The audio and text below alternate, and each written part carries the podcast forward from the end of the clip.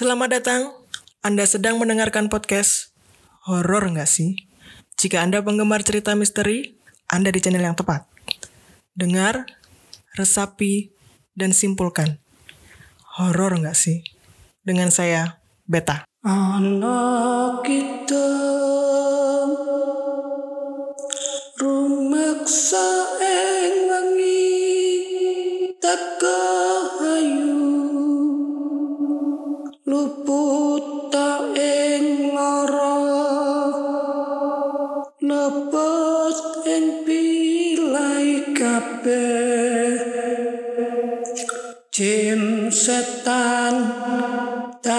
purun Assalamualaikum warahmatullahi wabarakatuh. Shalom, salam sejahtera, Om Swastiastu, Namo Buddhaya, salam kebajikan. Nawak-nawak horor di mana pun Anda berada, selamat datang di podcast perdana kami. Horor nggak sih? Bersama dengan saya, yang akan menjadi host kita kali ini, Beta Rias Lotianingsun, panggil saja Beta. Baik nawak-nawak horor, jadi akan ada beberapa sesi yang akan eh, disampaikan dalam podcast ini. Dan untuk yang pertama kali di podcast perdana kita, kita akan mengadakan sesi narasumber terlebih dahulu. Nah, kebetulan saat ini saya mengundang teman saya yang kebetulan juga adalah senior saya. Ada Sam Saiful. Halo Sam Saiful. Halo, selamat malam Beta. Selamat malam. Bagaimana kabarnya Sam? Baik. Sehat-sehat. Semua sendiri gimana? Baik banget, baik banget. Senang banget Oh, ketemu iya. sama Sam Saiful di studio ini, ya luar biasa. Kira-kira nih Sam, Jarang ketemu nih ya. Iya jarang ketemu dan kita Lagi juga sibuk masing-masing. Lagi Betul. sibuk apa lagi merenung masing-masing? lagi Merantap sih sibuk, sebetulnya. lagi sibuk untuk apa namanya eh, bertahan hidup ya Sam ya.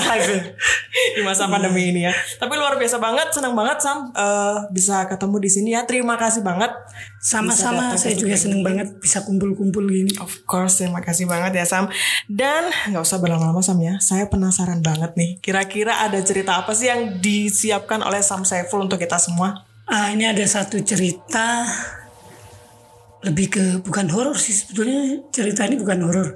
Cuman lebih ke pengalaman pengalaman spiritual mungkin ya. Oke. lebih ke pengalaman spiritual. Jadi eh, pengalaman saya ketemu hal-hal yang di luar nalar Mistis-mistis gitu kan. Ya? iya Oke. sesuai dengan topiknya Horor nggak sih gitu ya? Horor nggak sih? Coba nih, gimana nih ceritanya Mas Saiful? eh ceritanya ini kejadian tahun 2007 jadi dulu ibu ibu itu sempat sakit Sakit. ibu saya sempat sakit eh awalnya di eh, diperkirakan tipes karena panas cuman setelah beberapa hari panas tahu-tahu ibu ibu saya ini ngalami kebutaan Hmm. jadi nggak kelihatan Hmm.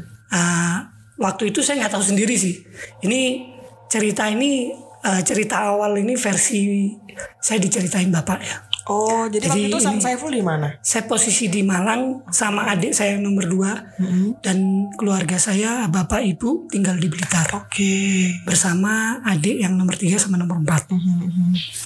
Ah, jadi waktu itu bapak saya bercerita kalau ibu ngalamin sakit sampai ngalamin kebutaan, akhirnya ibu dibawalah ke ini ke rumah sakit ya.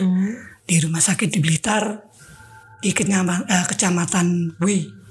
Oke. Ya gitu ya di kita samarkan aja biar nggak anu. Jadi di salah satu eh, rumah sakit di sana pas waktu kurang lebih ibu di sana dua tiga hari kalau nggak salah itu ada temen bapak yang datang dari Malang Oke. teman bapak saya yang datang dari Malang Kunjungin gitu ya Sam. ya? kunjungin nah, jadi jenguk lah jenguk di rumah sakit dia bawa temen yang bapak ini sebetulnya nggak kenal tapi denger pernah pernah denger namanya Hmm, hmm. dia ngunjungin sama temennya itu datang ke sana pas waktu jenguk ternyata setelah jenguk eh, temennya temen bapak saya ini sebut saja namanya Pak eh, Rudi lah ya. Jadi yang datang temen bapak saya ini Pak Rudi sama temennya namanya Pak Waluyo anggap aja gitu. Jadi eh, Pak Waluyo ini ngomong ke bapak saya, Pak, bojone sampean iki engko iso waras lek ketemu ah, beliau ini nyebutin salah satu nama eh, organisasi kejawen lah anggap aja gitu. Nama kumpulan kejawen gitu aja. Eh, nanti bisanya sembuh kalau udah ketemu sama orang orang yang dari kumpulan itu. gitu. Hmm. Jadi organisasi yang tadi yang, kejawen yang ya. kejawen itu. Eh, bapak saya awalnya bingung sih karena eh, karena emang nggak tahu sama sekali dan dia juga nggak tahu. Dia, eh, jadi note-nya dia nggak tahu sama sekali. Mm-mm. Eh, dia cuman istilahnya mungkin dapat terawangan kali ya apa gambaran mungkin ya. Eh, kalau nantinya akan ketemu eh, kalau sembuh ketemu orang dari eh, organisasi kejawen ini. Gitu, heeh. Udah setelah mereka pulang, bapak sih masih bingung awalnya masih bingung cuman eh, udahlah di, dilepas saja cuman setelah hampir satu minggu di rumah sakit penyakit ibu saya ini nggak Bukannya dokter, sembuh. eh, iya eh, nggak bisa analisa maksudnya Ada apa sih iya, sakit apa gitu sakit ya? apa nggak nggak ditemukan gitu loh pangkal masalahnya belum ditemukan Mm-mm. Eh, akhirnya pas genap satu minggu kalau nggak salah siang hari Pak Le sama Pak D yang bapak sama adiknya ibu ini ya Mm-mm. eh, itu datang jenguk lah jenguk ke Ah. rumah sakit tiba-tiba ngomong kalau ibu suruh pulang aja Tiba-tiba ngomong, itu posisi ibu masih benar-benar sakit. iya nggak? masih belum eh, masih belum bisa melihat lah intinya ya. Oke. intinya yang paling yang titik terparahnya itu ada di kebutaan matanya ini Oke. Tiba-tiba suruh pulang aja gitu. Iya suruh pulang aja. Terus eh Pak Le kalau nggak salah waktu itu Pak Le, Pak Le ngomong kalau ini loro ini eh, umum. Jadi ini sakitnya eh, bukan bukan bukan sakit biasa gitu maksudnya. Oh, iya, iya. Dari Mulai paham situ eh, awalnya sih Bapak ini agak ragu tapi karena eh, waktu itu sempet sempet sih beli obat. Jadi dapat resep obat dari dokter, datang ke apotek dan bapak nggak beli di dalam, nggak beli di rumah sakit tapi dibelikan di luar gitu. Tanya, eh, bapak saya tanya ini obat apa? Ternyata obat jantung. Oh, ibu ada jantung. Enggak, makanya itu eh, dari situ bapak juga wah ini kalau istilahnya coba-coba maksudnya Hah? akan lebih ini sih beresiko ke ibu juga. Oh, sih. jadi maksudnya itu obatnya dari rumah sakit dikasih obat jantung padahal ibu nggak ada jantung. iya eh, da- diagnosanya juga nggak ada. Oh, seperti itu. jantung. Oke, oke. Diagnosanya nggak ada sih. Eh, terus ya udahlah dari situ timbul keyakinan dari bapak kalau eh, dibawa pulang aja wis nurutin Pak Le sama Pak D Le sama tadi Pak ya. D tadi. Jadi eh, Pak Le sama Pak D ini tiba-tiba ngomong kalau mereka baru saja ikut kumpulan ya, organisasi Kejawen tadi. kejawen Kok bisa yang kebetulan gitu namanya? Hah? ini gitu. yang Oh. namanya yang, yang disebutin orang tadi Sebentar. Tadi yang eh, ngunjungin kan itu eh, dari ke- keluarganya Bapak ya? Keluarganya Bapak. Iya temennya bapak Tem- temannya Bapak. Terus ini eh, saudaranya Ibu Iya. ikut yang nggak kenal sama sekali mereka nggak nggak ada satu Jadi benar-benar kebetulan gitu ya? Iya, Oke. eh, cuman cuman kebetulan aja di situ bapak kaget tuh. eh, kemarin ada orang eh, ada temen yang datang ngomong kayak gini. Ya semoga moga ini tombol lah kata, kata si. Pak D. Eh, sebut saja namanya Pak Dewar gitu ya sama Pak Le saya namanya Pak Le di gitu ya. Jadi Pak Dewar ini ngomong ya mungkin mungkin ini emang ah, ketemu jodohnya lah biar ibu bisa sembuh gitu. Nah, akhirnya singkat kata dibawalah ibu pulang. Jadi eh, pulang paksa istilahnya Oke. dari rumah sakit. Ah, di situ bapak telepon ke saya. Nelpon ke saya cerita kalau seperti ini seperti ini. Mm-mm.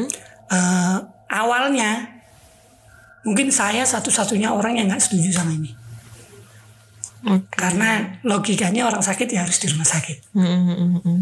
Jadi saya ngomong lu kok iso sih kok kok bisa orang sakit kok dibawa lebih dibawa pulang terus katanya obat eh, oke lah kalau mau berobat alternatif tapi tetap eh, di rumah sakit lah biar kondisi ibu bisa lebih kejaga gitu ya.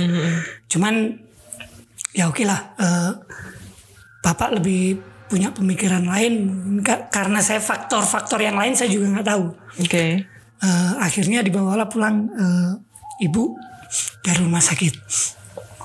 Setelah pulang selang dua hari kalau nggak salah setelah pulang ah, Pak Dewar sama Pak Lidi ini datang lagi ke rumah ke rumah bapak di Blitar Eh, bawa salah satu temennya Oke. jadi bawa salah satu temennya eh, Apakah dari komunitas? Iya, yang Oh, dari komunitas tadi, yang dari komunitas tadi.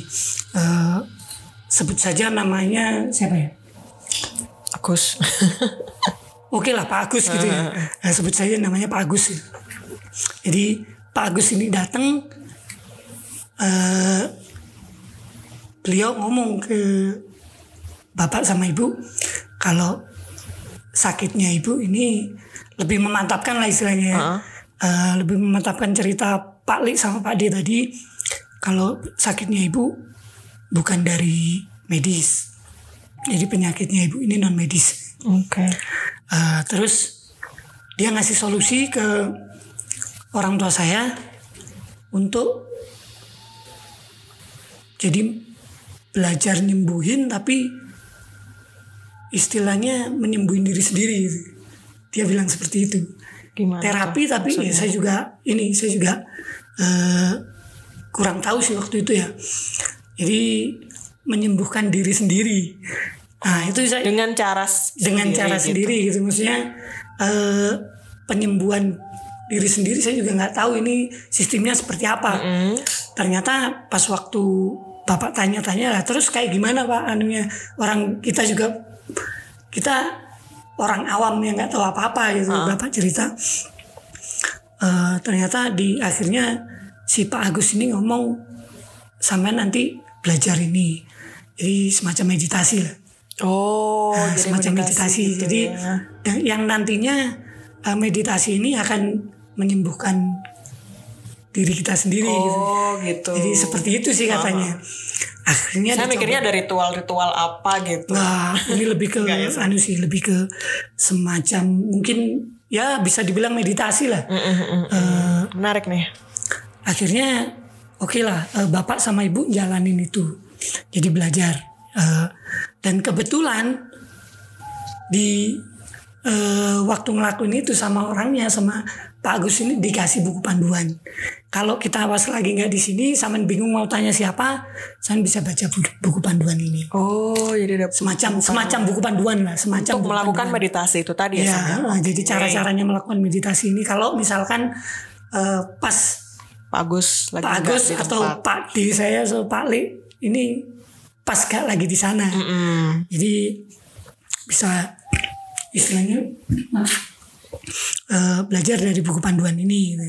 Ya bukan bukan utama ini anu sih buku panduannya katanya gitu. Cuman ini untuk membantu aja. Mm, mm, mm. Lah akhirnya selang dua hari setelah Pak Agus ke sana dilakukanlah Bapak ngelakuin itu tiap hari.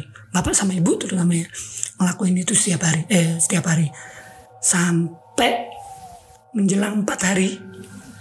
Empat hari Ibu melakukan itu ternyata memang ada perkembangan. Oh, gitu. Jadi ya Wow. alhamdulillahnya Ibu Ibu udah mulai ngeliat walaupun masih bayang-bayang. Oke. Jadi meditasi selama empat hari berturut-turut itu ya sama Iya, ada iya, hasil ya. selang, selang selang selang waktu kalau eh, nyantai suruh meditasi gitu maksudnya. Oh, menarik sekali. Eh, Heeh. terus, terus. Sampai empat hari itu ibu udah mulai kelihatan jadi jalan sendiri udah bisa, Oh. makan sendiri udah bisa. Oh, oh, oh. Cuman masih masih bayang istilahnya kalau lihat orang masih bayang belum bisa bedain. Mhm. Cuman bisa bedain cowok cewek gitu aja mungkin.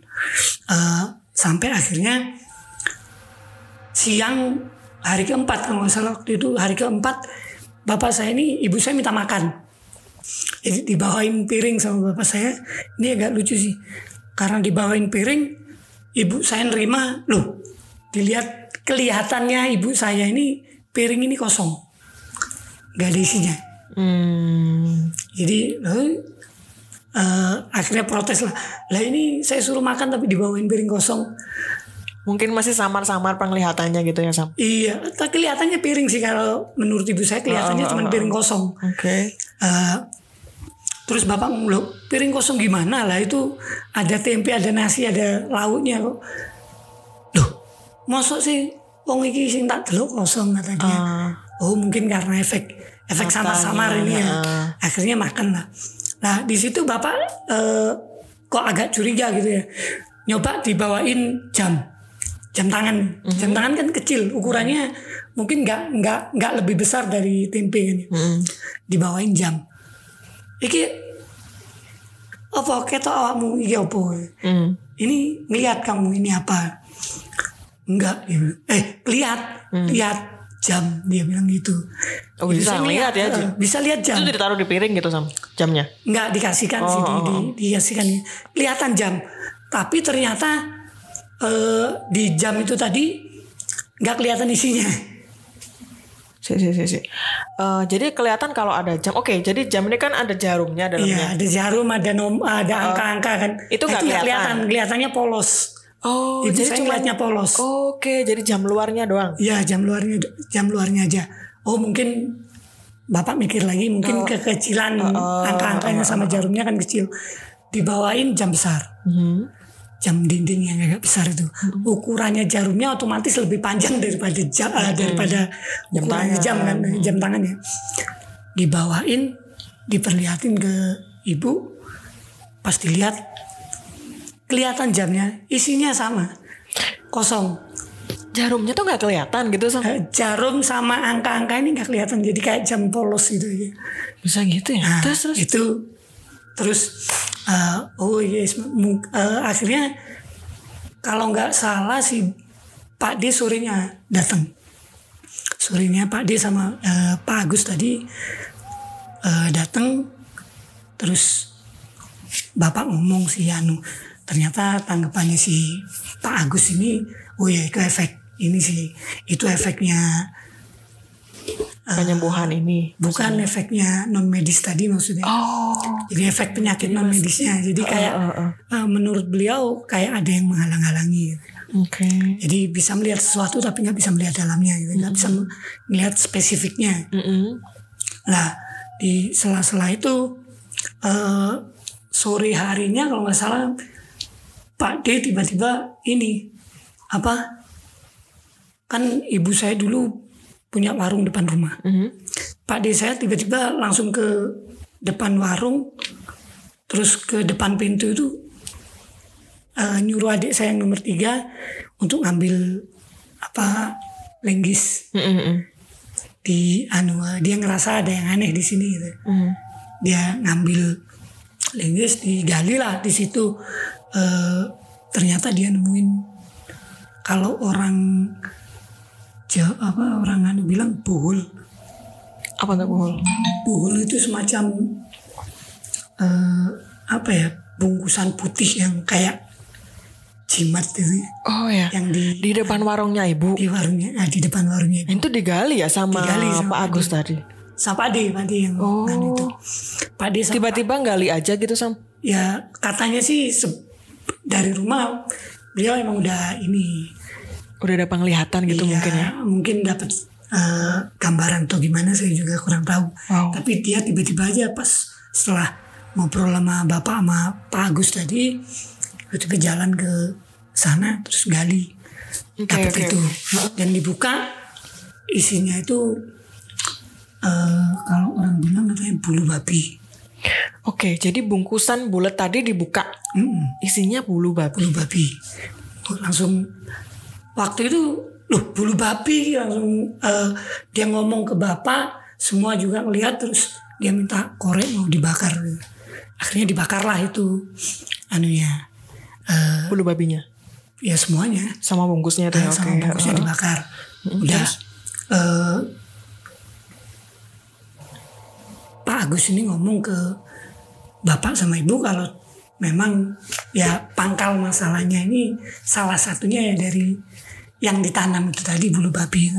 Salah satu. Salah satu. Apakah banyak nih? Ya, Oh. jadi katanya sih gitu ada beberapa ya.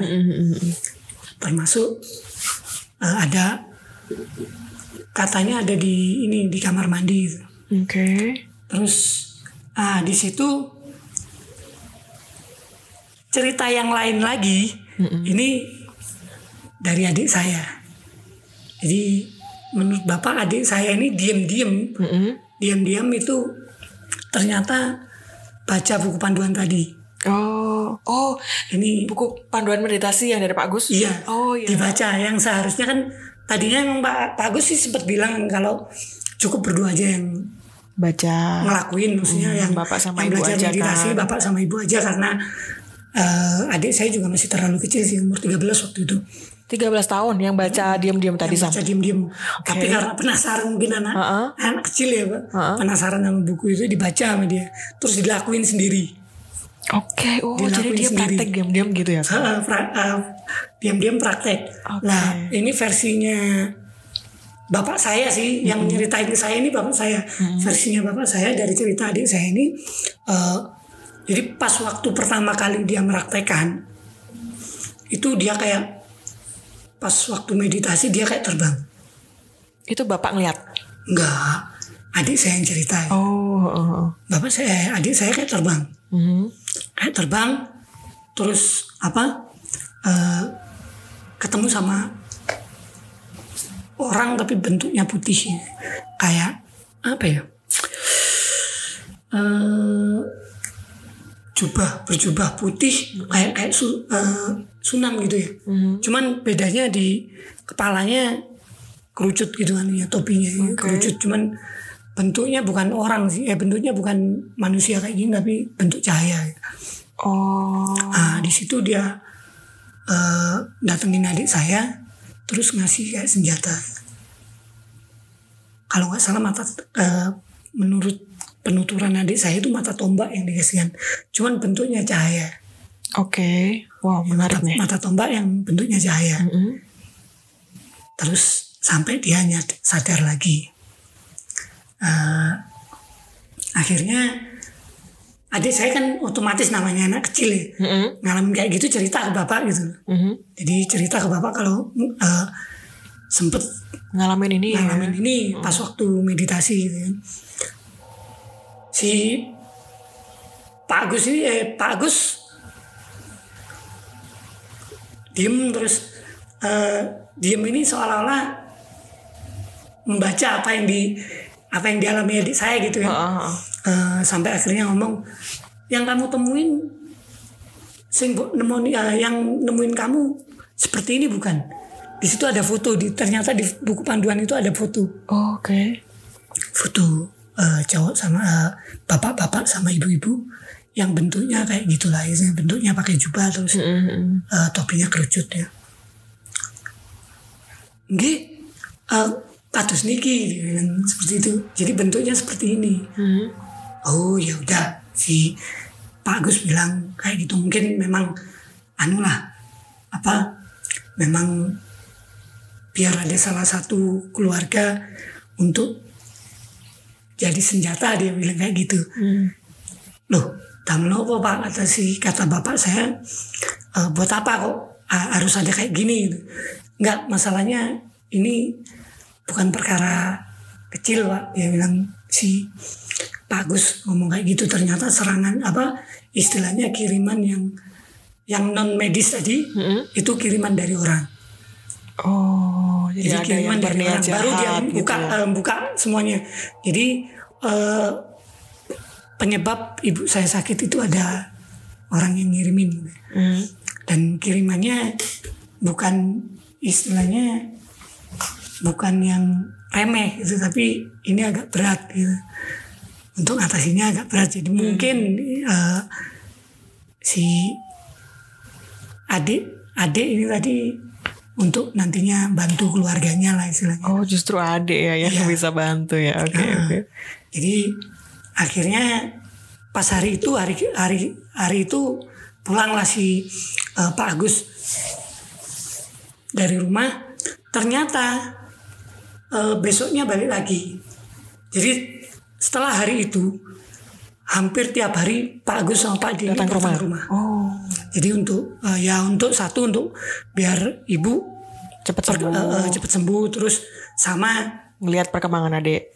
bukan melihat perkembangan adik tapi perkembangan kondisi yang ada lah Oh. Oke oke. Eh, udah bebas dari Segala. serangan gaib lah istilahnya Ah, ah, ah. serangan gaib apa belum sampai sore waktu itu sore adik saya eh, semua keluarga sih. Bapak ibu itu duduk depan rumah.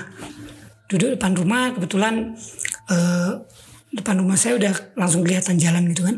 Oh, depan rumah bapak ibu maksudnya udah kelihatan jalan gitu. Ah di situ adik saya ngelihat depan rumah ini mulai dari tadi ada babi. Ada babi. Lari-lari muter gitu. Itu adik aja yang lihat. ya cuman adik. Oh, cuman adik. Oke. jadi eh, bisa dibilang kayak gini adik saya setelah ngelakuin yang meditasi pertama tadi Mm-mm.